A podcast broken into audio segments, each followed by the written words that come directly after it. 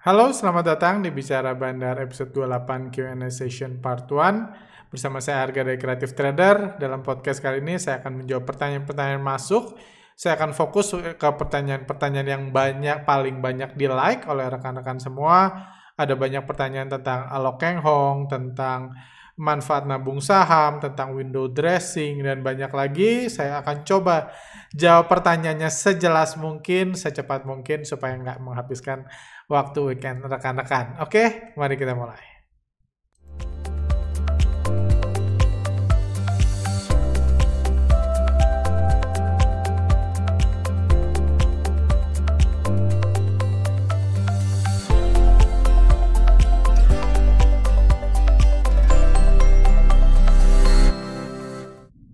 Oke, uh, untuk minggu ini saya nggak akan banyak bahas tentang kondisi ISG karena dua hari yang lalu saya sudah membahas tentang uh, tentang pergerakan IHSG di mana yang asing masuk sangat banyak uh, menyambut datangnya resesi di Indonesia, asing tiba-tiba ngumpulin uang, ngumpulin dalam jumlah sangat besar dan uh, dan itulah yang menyebabkan IHSG naik dua hari kemarin ada outflow, hari Kamis masih ada inflow. Menurut saya ini uh, saya sendiri uh, yang bisa saya share, saya belum jualan sama sekali. Saya nggak jual satu saham pun sepanjang minggu lalu.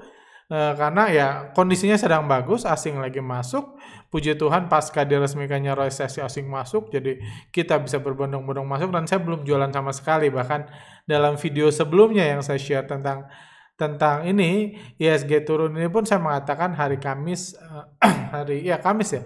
Hari Kamis saya average up hari Jumat saya cuma diam aja. Saya masih berharap ya asing masih bisa lanjut naik lagi. Saya lebih berharap asingnya masuk terlepas dari ISG-nya mau koreksi sedikit atau enggak itu hanya mekanisme market yang apa ya yang terdiri dari banyak saham gitu. Jadi bisa aja kan BCA turun 3% asing cuma jualan 100M tapi BRI Telkom uh, uh, itu BRI, Telkom sama HMSP misalnya diborong, tapi overall ISG tetap turun. Tapi selama asing masuk saya lebih happy di situ karena saya fokus beli saham dan saham yang asingnya masuk dan saya selalu percaya membeli uh, ketika asing masuk itu lebih menyenangkan dan lebih mudah untung daripada membeli barang yang dijual asing. Saya lebih percaya mengikuti asing daripada membahagiakan asing dan menyerahkan nasib kita ke asing dan membeli barang-barang yang dijual asing ke kita kayak gitu. Jadi bagi yang belum nonton silahkan nonton video IHSG mulai turun apakah pesta resesi sudah berakhir.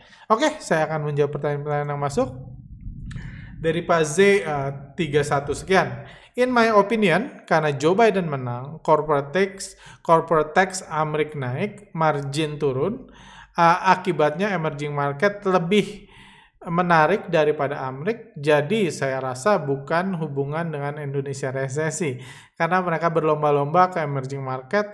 Uh, begitu uh, Biden diprediksi menang ya ini saya pun ada kalau nggak salah ya ada salah satu komentator saham yang punya eh banyak mungkin yang punya ini karena memang pada akhirnya menebak-nebak kenapa asing masuk itu sesuatu yang menyenangkan itu yang banyak diprotes karena kami nggak mau nge-spend waktu nebak-nebak kenapa asing masuk Uh, ini ada satu opini Joe Biden uh, menang itu kita tahu, corporate tax Amerika naik kita tahu, margin turun itu belum tentu kita belum tahu sampai tahun depan. Yang pasti margin turun sekarang jelas karena COVID.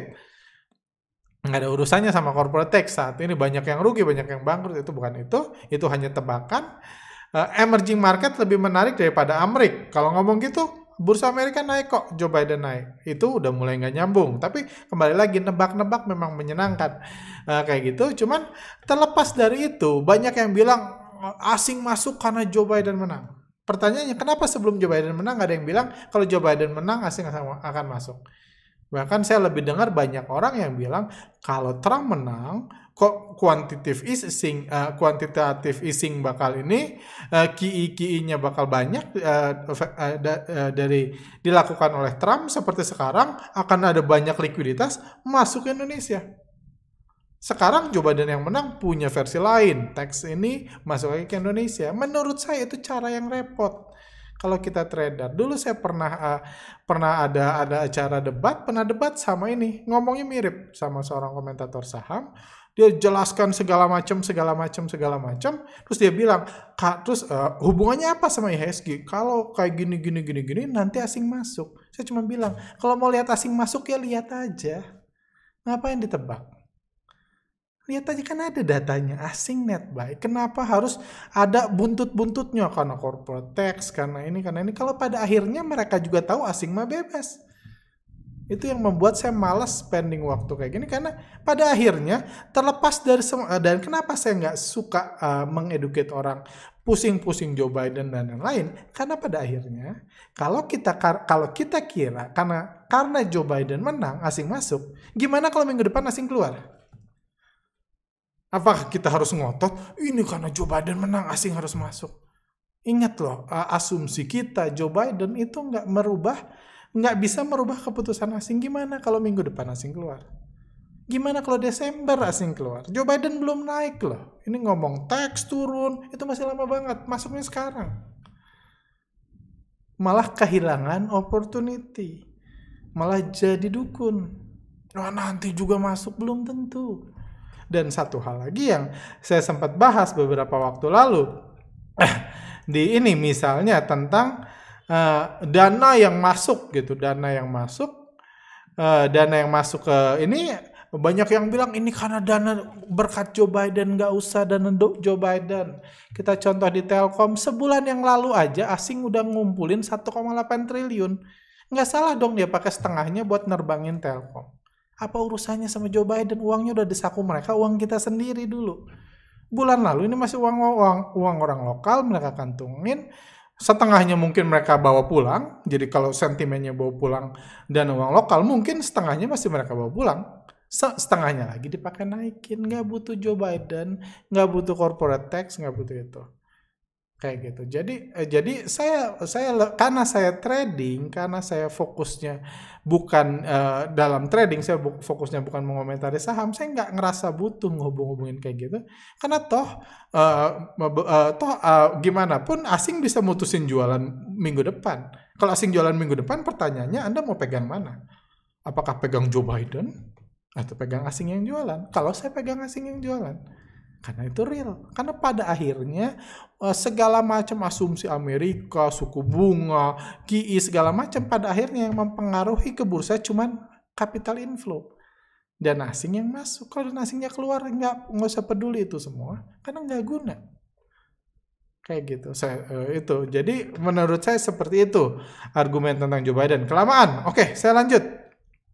Pak Arga, saya mau tanya, kalau kalau lebih enak untuk bandar buat saham baru dan jual ke retail daripada ngumpulin barang-barang katrosan retail nerbangin harga dan jualan ke retail, uh, kenapa lebih enak? Oke, okay. Kenapa lebih enak bandar buat saham baru? Pertama karena saham baru itu masih fresh, belum ada di mana-mana. Jadi bisa IPO-nya meskipun 100 naikin dulu ke 700 terus 700 jual. Untungnya gede banget nerbitin saham baru dan jual ke retail dan sahamnya kan nggak harus perusahaan bagus kan bisa perusahaan abal-abal pun digoreng. Kalau perusahaan bagus digoreng dimainin dihancurin nanti marah ownernya. Kalau perusahaan abal-abal kan nggak harus. Dan ngumpulin katlosan retail itu lama sering kali. Ya bisa memang ditakut-takutin pakai berita pakai sentimen dibilang mau ini bisa.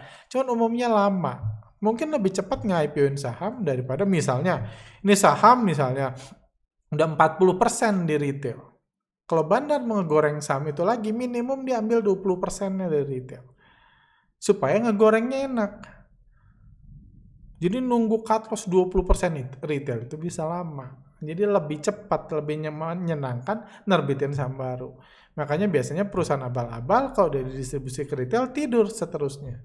Karena nggak ada lagi yang mau ngurus kalau dapat dividen mungkin ya dia jadi investor kecelakaan yang dapat dividen satu dua rupiah setahun mungkin. Tapi kalau enggak ya udah dia listing. Seperti itu. Jadi alasannya menurut saya dari unsur waktu dan kerepotan ngakumulasi barang yang udah didistribusi banyak retail itu butuh waktu lama dan nggak semua bandar sesabar itu untuk ngumpulin. Kan mereka nggak bisa maksa retail jualan pelan-pelan harus ditampung harus ditakut-takutin sama berita jelek dan lain-lain. Lanjut Pak An, uh, anti suara toa. uh, jadi uh, gimana nasib yang menabung saham. Nggak bagus dong prospeknya. Masa Pak Arga cuma bahas mengarahkan orang ke retail saja. Ini trading saja mungkin. Mohon pandangannya bagi penabung saham blue chip seperti saya. Trims Pak Arga. Uh, ini banyak pertanyaan masuk. Ini membahas tentang Lok Keng Hong, di mana saya menjelaskan kalau pandangan saya Lok Keng Hong udah jauh dari value investor saat ini dia udah berubah ke Sultan Panjang Sabar dan baru-baru ini dia mendekat ke ke sisi bandar lebih ke bandar daripada ke retail. Terus gimana buat nabung saham? Di di eh, podcast Pak Lok Yang Hong juga saya menjelaskan tentang strategi Sultan Panjang Sabar. Di mana Anda pilih aja sahamnya, Anda beli terus. Nabung saham kan kurang lebih mirip seperti itu. Nabung saham pun uh, kurang lebih mirip kan kayak Sultan Panjang Sabar. Jadi apakah itu masih works? Masih. Kalau Anda punya kesabaran, Anda punya uang yang nggak henti-henti, masih works? Masih. Beberapa bulan yang lalu saya cerita, saya sendiri, saya pribadi nyaranin hal yang sama ke adik istri saya. Saya tahu saya nggak bisa ngajarin dia bandarmologi, saya nggak bisa ngajarin dia foreign flow. Kenapa? Dia terlalu sibuk. Mau saya ajarin pun dia mungkin sempat belajar nggak sempat analisa. Saya suruh, ya udah ini waktu itu market lagi hancur-hancurnya Lu pakai Sultan Panjang Sabar aja, lu beli, lu buat strategi, lu ikutin strateginya, beli di bawah. Dia share cerita oh, strateginya, oke, okay, simpan. Dan saya percaya dia udah untung besar sekarang. Jadi uh, ikut bandar itu bukan satu-satunya cara Sa uh, mengalahkan bandar. Strategi lain adalah mengalahkan kesabaran bandar kayak Lokeng Hong.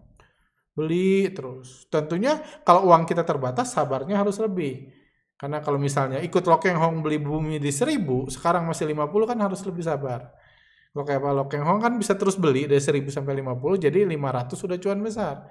Kalau yang cuma beli di 1000, turun terus ya belum bisa untung. Mungkin 5, 10 tahun atau 50 tahun lagi mungkin untung ya kita nggak tahu. Tergantung bandarnya bumi. Cuman ya tentunya kesabaran itu masih bisa works kayak gitu. Makanya saran saya kalau makanya saya nggak menyarankan nabung kayak Lokeng Hong, perusahaan-perusahaan kecil. Saya selalu menyarankan kalau nabung saham uh, itu beli misalnya Telkom, BRI, Mandiri, nggak usah ikut bandar, nggak usah. Tapi anda, pastikan Anda punya kesabaran. Itu dulu yang Anda harus tahu, bahwa Anda punya sabar, Anda mencoba mengalahkan kesabaran bandar. Karena pada akhirnya, Terlepas dari bandar naikin harga, nurunin harga, dan lain-lain, saya menyarankan Telkom, BRI, Mandiri, BCA karena pertama, kepemilikan asing masih banyak. Di, pod, eh, di penjelasan eh, podcast sebelumnya saya menjelaskan di Telkom masih 70%. Kalau Anda panjang sabar terus beli, saya yakin akan dinaikin juga sama asing karena barang mereka masih banyak. Worst case scenario ya kepegas, cuma sabar aja terus pegaskan dari 5000 ke 1000 ke 700 terus didistribusi. Cuman ya kita harap nggak gitu. Dan satu hal lagi yang penting dari saham blue chip adalah di Indonesia ini nggak banyak saham yang masuk kategori asing. Nggak banyak. Kenapa? Perusahaannya kecil, saya udah bahas di podcast Oke Hong juga. Perusahaan gede semuanya IT dan nggak ada yang IPO perusahaan raksasa umumnya BUMN dan itu itu aja. Semua BUMN besar udah IPO kecuali Pertamina yang nggak mau IPO anyway. Bank besar either udah milik asing sekarang atau bank BUMN udah IPO semua udah nggak ada lagi produk. Jadi terlepas asing jualan terus kalau dia mau masuk lagi ya baliknya ke situ lagi. Jadi kalau anda ngalahin kesabaran asing bandar di situ peluangnya masih ada. Harus ngikutin bandar nggak usah kalau anda panjang sabar nggak perlu. Ngalahin bandar di sisi kesabaran aja. Gitu. jadi masih bisa selama anda blue chip cuman saran saya hati-hati. Karena orang yang menabung bumi mungkin belum keluar udah 5-6 tahun. Malah tambah rugi malah gocap kan kayak gitu. Dibilang bumi jelek ya bumi kalau lagi 50 jelek, kalau naik dibilang kalau pas naik selama bertahun-tahun terakhir dibilang valuasinya udah murah banget. Ini perusahaan batu bara terbesar di Indonesia, penyumbang devisa terbesar dan lain-lain. Jelek bagus itu tergantung harganya. Kalau harganya lagi bagus, berita bagusnya keluar kok. Jadi banyak orang nabung di bumi sampai sekarang masih nyangkut karena kurang modal, karena kurang sultan dia, atau karena kurang konsisten. Uh, uh, ini Lokeng Hong ini mirip uh, tentang Sultan Panjang Sabar, saya setuju. Uh, ini silahkan baca, saya tadi udah baca sekilas. Oke, okay, saya lanjut dulu. Terima kasih Pak Arga atas edukasinya. Saya newbie di sini dan uh, uh, dari beberapa cara analisa saham yang saya pelajari termasuk teknikal, analisis fundamental, memang menurut saya pribadi menganalisis pergerakan asing atau FF memang uh, lebih realistis uh, di kondisi saham uh, saat ini. Di video ini Pak Arga menjelaskan bahwa value investing kurang tepat untuk uh, dilakukan di era sekarang. Pertanyaan saya, apakah mungkin ilmu FF yang uh, sekarang bisa digunakan uh, 10 tahun yang akan datang melihat pengalaman Bapak 10 tahun uh, mendalami oh intinya FF apakah bisa digunakan 10 tahun yang akan datang? Saya nggak tahu tentunya. Hal paling mudah adalah bursa mencabut data FF mungkin. Investor asing bisa ngasih syarat kan. Kalau masuk ke bursa kita saya mau masuk nih sekian uh, T gitu tapi saya minta satu syarat data foreign flow itu nggak ada lagi, nggak dirilis lagi sama bursa, otomatis hilang metode analisanya. Jadi apakah 10 tahun lagi masih bisa saya nggak tahu. 10 tahun yang lalu pun saya khawatir bahwa analisa bandarmologi itu hanya dipakai sebentar. Hanya bisa dipakai sebentar, semakin banyak orang memperhatikan data broker summary, semakin banyak yang ngerti mengenai pergerakan bandar, akan dihilangkan. Saya takut kalau bandar udah rugi, ya di, dia ngasih ini puji Tuhannya. Sebanyak-banyaknya orang yang ngerti bandar mungkin lebih banyak lagi pertumbuhan orang yang nggak ngerti. Yang nggak ngerti, yang fokusnya, yang lain-lain. Jadi so far, nah, saya bisa bilang ada data saat ini jauh lebih banyak dari data 10 tahun lalu. Jauh lebih banyak yang bisa kita analisa, yang bisa kita iri. Jadi, apakah 10 tahun masih depan masih ada analisa bandar mungkin saya nggak tahu dan nggak ada gunanya saya memprediksi karena yang bisa mencabut itu ya urusan bandar dan urusan bursa. Saya memprediksi pun ya ini. Cuman kalau selama investor retail masih banyak dan semakin banyak haters analisa bandar lagi harapan saya ini analisa masih terus bisa bertahan. Cuman bisa aja ada. Nggak ada karena uh, masalah utama adalah penyediaan data. Nanti Amerika nggak ada analisa foreign flow karena investor asingnya orang orang Indonesia gitu. Buat apa dia analisa kayak gitu. Atau simply di Indonesia nggak ada lagi tuh F sama D nggak ada lagi datanya. Kalau nggak ada ya nggak ada analisa foreign flow selesai saat itu juga. Selain ilmu bandarmologi menurut Pak menurut Bapak cara uh, cara atau ilmu apa yang tepat untuk 10 tahun yang akan datang untuk uh, melakukan trading di bursa saham? Karena dari video ini saya menyimpulkan setiap waktu selalu mempunyai teori yang berbeda. Terima kasih. Oh saya nggak tahu kalau bursa saham, cuman saya pribadi ngelihat salah satu project yang paling high risk dan berpotensi high return sekarang adalah venture capital. Sayangnya itu nggak bukan bursa saham, cuman ya prinsipnya mirip kayak value investing. Saya pribadi pengen banget. Saya punya teman yang setengah mati lagi ngincar uh, venture capital untuk modal dia gatal. Pengen, saya pengen berkecimpung di situ, cuma saya nggak punya waktu. Tapi Nah, saya sih happy banget kalau ketemu bisnis menarik dan saya bisa invest. Kalau saya percaya itu tumbuh, bagi saya itu lebih lebih uh, mirip dengan value investing, beli perusahaan kecil dengan valuasi masih murah, berharap nanti besar, nanti mudah-mudahan bisa di IPO kan kita goreng terus jual ke publik. Menurut saya itu paling realistis dan mungkin 10 tahun ke depan akan akan mulai menuai karena mayoritas venture capital sekarang belum menuai tapi nanti nuainya 10 tahun yang akan datang. Mungkin itu pandangan saya aja. Dari Pak Jeremia uh, Jeremia Sutono. Mudah-mudahan saya lebih cepat supaya lebih banyak jawaban. Uh, halo Pak Arga. Saya mau tanya terkait bandarmologi. Ini ada 31 yang like. Sebenarnya bandarmologi sendiri pure murni follow bandar bandar masuk duluan, harga gerak baru kita entry, atau ilmu yang mempelajari gerak-gerik bandar sehingga kita prediksi pergerakan bandar uh, dan uh, dan kita entry di waktu berdekatan sebelum harga terbang jauh katakan di bawah satu persen. Uh, bandar masuk harga nggak perlu nggak perlu nggak harus naik. Definisi akumulasi itu ketika bandar beli retail jual. Jadi nggak harus harga sedang langsung naik nggak Cuma di masa pandemik ini biasanya bandar masuk harga langsung naik. Itu juga salah satu yang agak nggak disukai oleh alumni bandarmologi karena sekarang cepat banget bandar masuk harga langsung naik. Jadi harus cepet-cepetan. Kalau dulu ada periode di mana di harga bawah bandar akumulasi, kita beli beli di situ tinggal nunggu dinaikin. Tapi intinya fokus kita adalah follow the bandar. Apakah murni follow the bandar? Uh, uh, intinya bandar masuk kita masuk, bandar jual kita jual. Itu mungkin itu hal tergampang yang bisa saya ajarkan di podcast. Asing masuk Anda masuk, asing jual Anda jual. Apakah saya selalu melakukan kayak gitu? Enggak juga. Cuma banyak hal yang nggak bisa saya ajarin di podcast. Either saya kasih, udah dikasih di workshop dan menghormati peserta yang udah investasi workshop, nggak mungkin saya share materinya di sini kan. Tapi yang menurut saya paling realistis itu dijelaskan itu. Bisa ada prediksi bandar, bisa. dan kalau Anda mau memprediksi pergerakan bandar pun, kan tentunya ini. Uh, tentunya harus uh, kalau Anda memprediksi pergerakan bandar, misalnya berdasarkan pergerakan bandar masa lalu, jangan berdasarkan harga kan. Kalau Anda mau, karena bandar lah yang itu atau uh, memprediksi lebih detail lagi kalau di workshop bandar Mugi IPO adalah tujuan bandar itu apa sih? Karena kalau Anda ta tahu tujuannya, terlepas dari gerakannya gimana, Anda bisa tangkap tujuannya. Itu juga analisa bandar Mugi. Jadi sebenarnya ini analisa yang luas, makanya workshop bandar Mugi, workshop bandar Mugi online sendiri 4 hari. Itu 20 jam belajarnya, jadi analisa yang luas.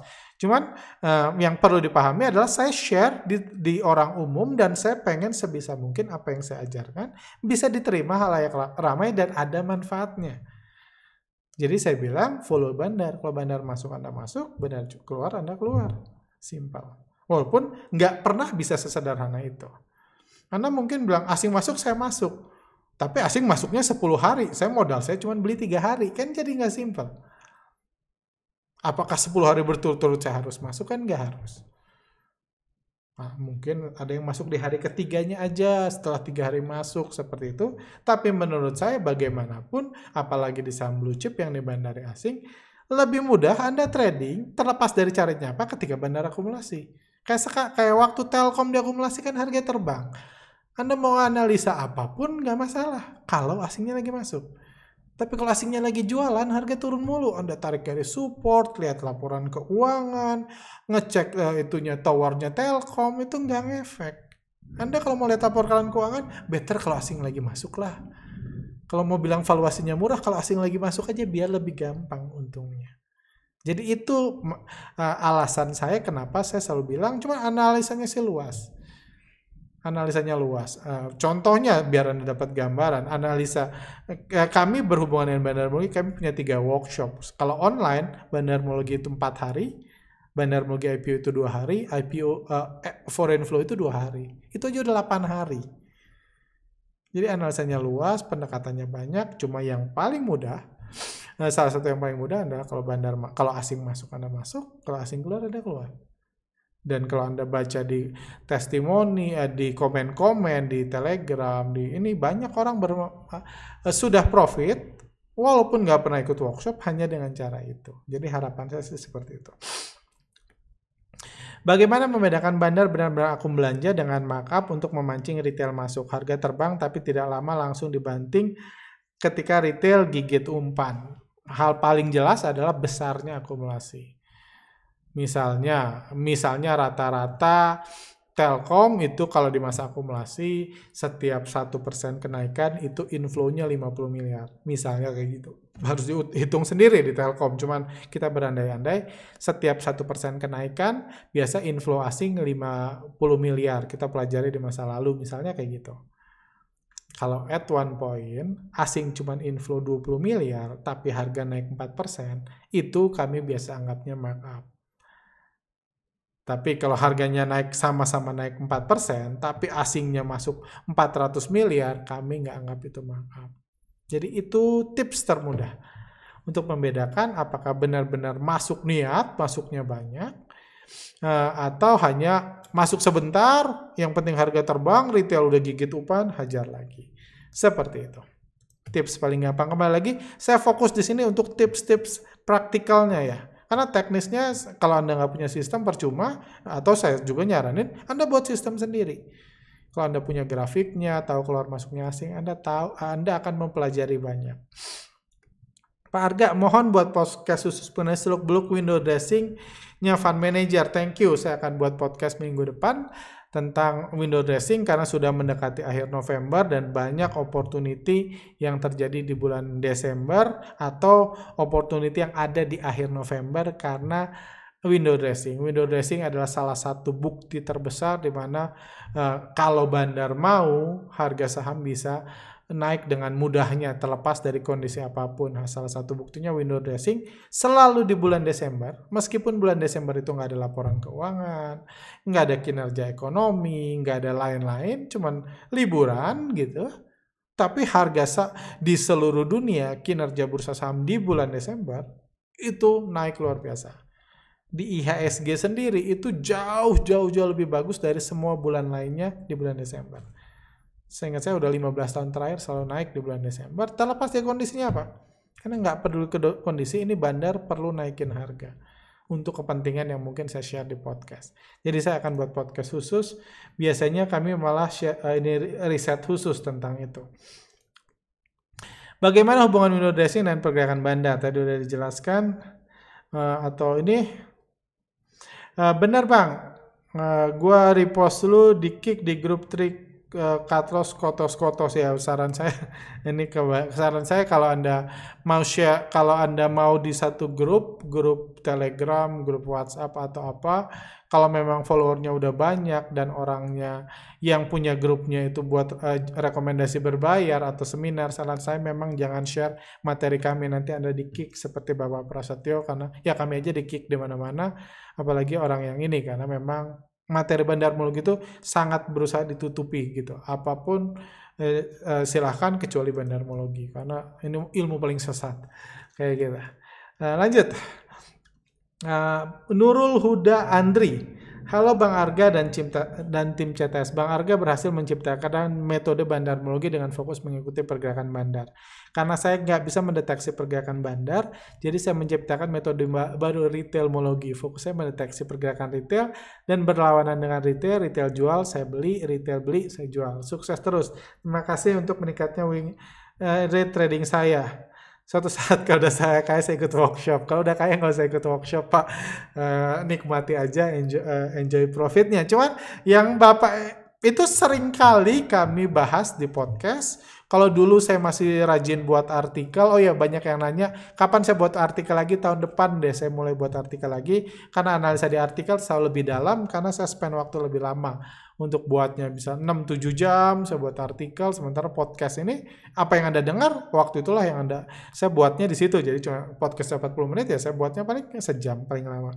Kayak gitu nanti saya buat artikel lagi.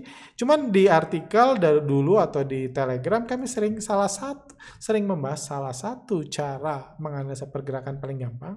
Itu seperti yang dibilang Pak Nurul ini bahkan di workshop pun kami jelaskan secara mendalam yaitu lihat retailnya di workshop saya jelaskan analogi korban.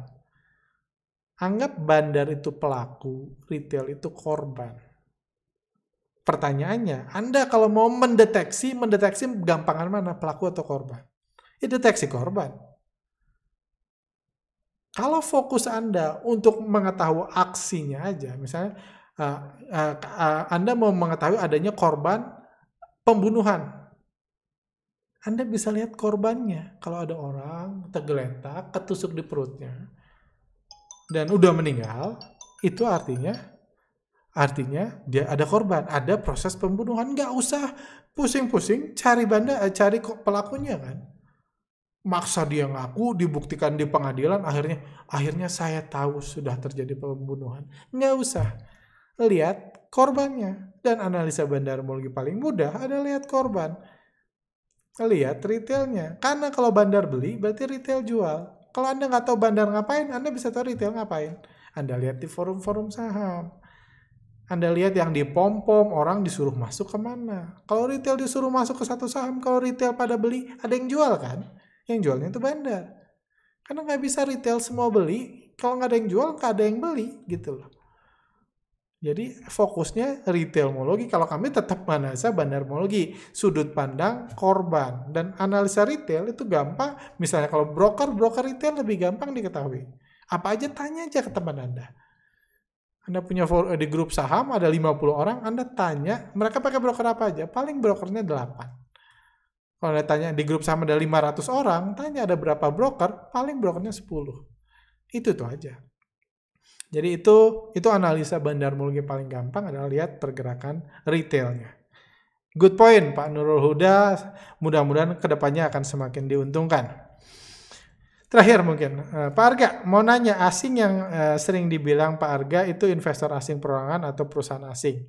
Terus satu lagi, Pak pertanyaan saya apakah jika saham yang dibandari lokal apakah asing bisa mempengaruhi harga? Asing yang ini ada tentunya ada institusi, jumlah saya nggak siapin datanya, jumlah investor perorangan asing di Indonesia paling ada cuma 3000 orangan, itu pun saya percaya 80 persennya itu akun bandar lokal yang di luar negeri. Jadi akun individual asing di Indonesia itu paling cuma 3000. Institusi asing di Indonesia lebih banyak jumlahnya daripada individual asing sampai akhir tahun lalu. Jadi misalnya kalau institusi asing ada 4.000, uh, uh, individual asing cuma 3.000. Sementara jumlah individual uh, retail, individual lokal itu ada satu juta lebih. Jadi nggak ada itu orang-orang bule-bule gitu. Bule-bule misalnya di mana di Amerika gitu trading di Indonesia itu hampir bisa dibilang nggak ada. Nggak ada retail trading di Indonesia ngapain? Hmm, kayak gitu. Nah, jadi dari jumlah pun mendukung kok. Kapan-kapan kami share. Kami pernah share datanya, cuma saya lupa di podcast yang mana. Pertanyaan terakhir mungkin. Terus satu lagi Pak, uh, kalau jika saham yang di bandara lokal, apakah asing bisa mempengaruhi harga sahamnya? Buat apa sih menurut saya? Buat apa misalnya bandar BRI ngisengin yuk kita ini, yuk kita goreng friend, ngapain? Karena bisa dihajar bandar friend yang bisa dihajar bandar friend. Gimana kalau mereka mau ngerebut friend? Silahkan kalau mau rebut-rebutan. Tapi kalau mau ngerebut bandar friend, mendingan dia hubungin langsung bandar friendnya di luar market. Ngapain digoreng dulu? Dia hubungin, kontak yuk kita goreng. Sekarang eh, dealing lokal sama asing. Jadi event bandar asing, anggaplah bandar BRI yang duitnya banyak, atau bandar Telkom yang punya 900 miliar tambahan, uangnya bisa dipakai ngoreng saham bisa. Cuma buat apa? Buat apa mereka goreng saham? Sementara dia tahu ada bandar lain di situ malah perang. Mendingan kerjasama sama bandar lokal. Enak dong bandarnya. Bandar misalnya bandar dewa gitu. Bandar Telkom yang asing ngumpulin 900 miliar pakai goreng dewa happy bandar dewanya. Gue nggak usah goreng, gue bisa jualan di atas. Sementara mereka beli buat apa?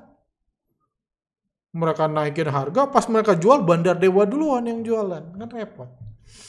Jadi menurut saya ya intinya saya suka analoginya. Tukang kerupuk bisa nggak tukang kerupuk masuk ke bisnis itu uh, taksi online? Uh, untuk bisnis angkot gitu. Ya bisa cuma buat apa? Bisnis angkot udah ada yang menguasai, udah mature juga, ngapain lagi dia bisnis angkot? Ya gue fokus di kerupuk aja sebanyak mungkin ngejual kerupuk kuah, sebanyak mungkin cari untung. Ngapain pusing-pusing gitu.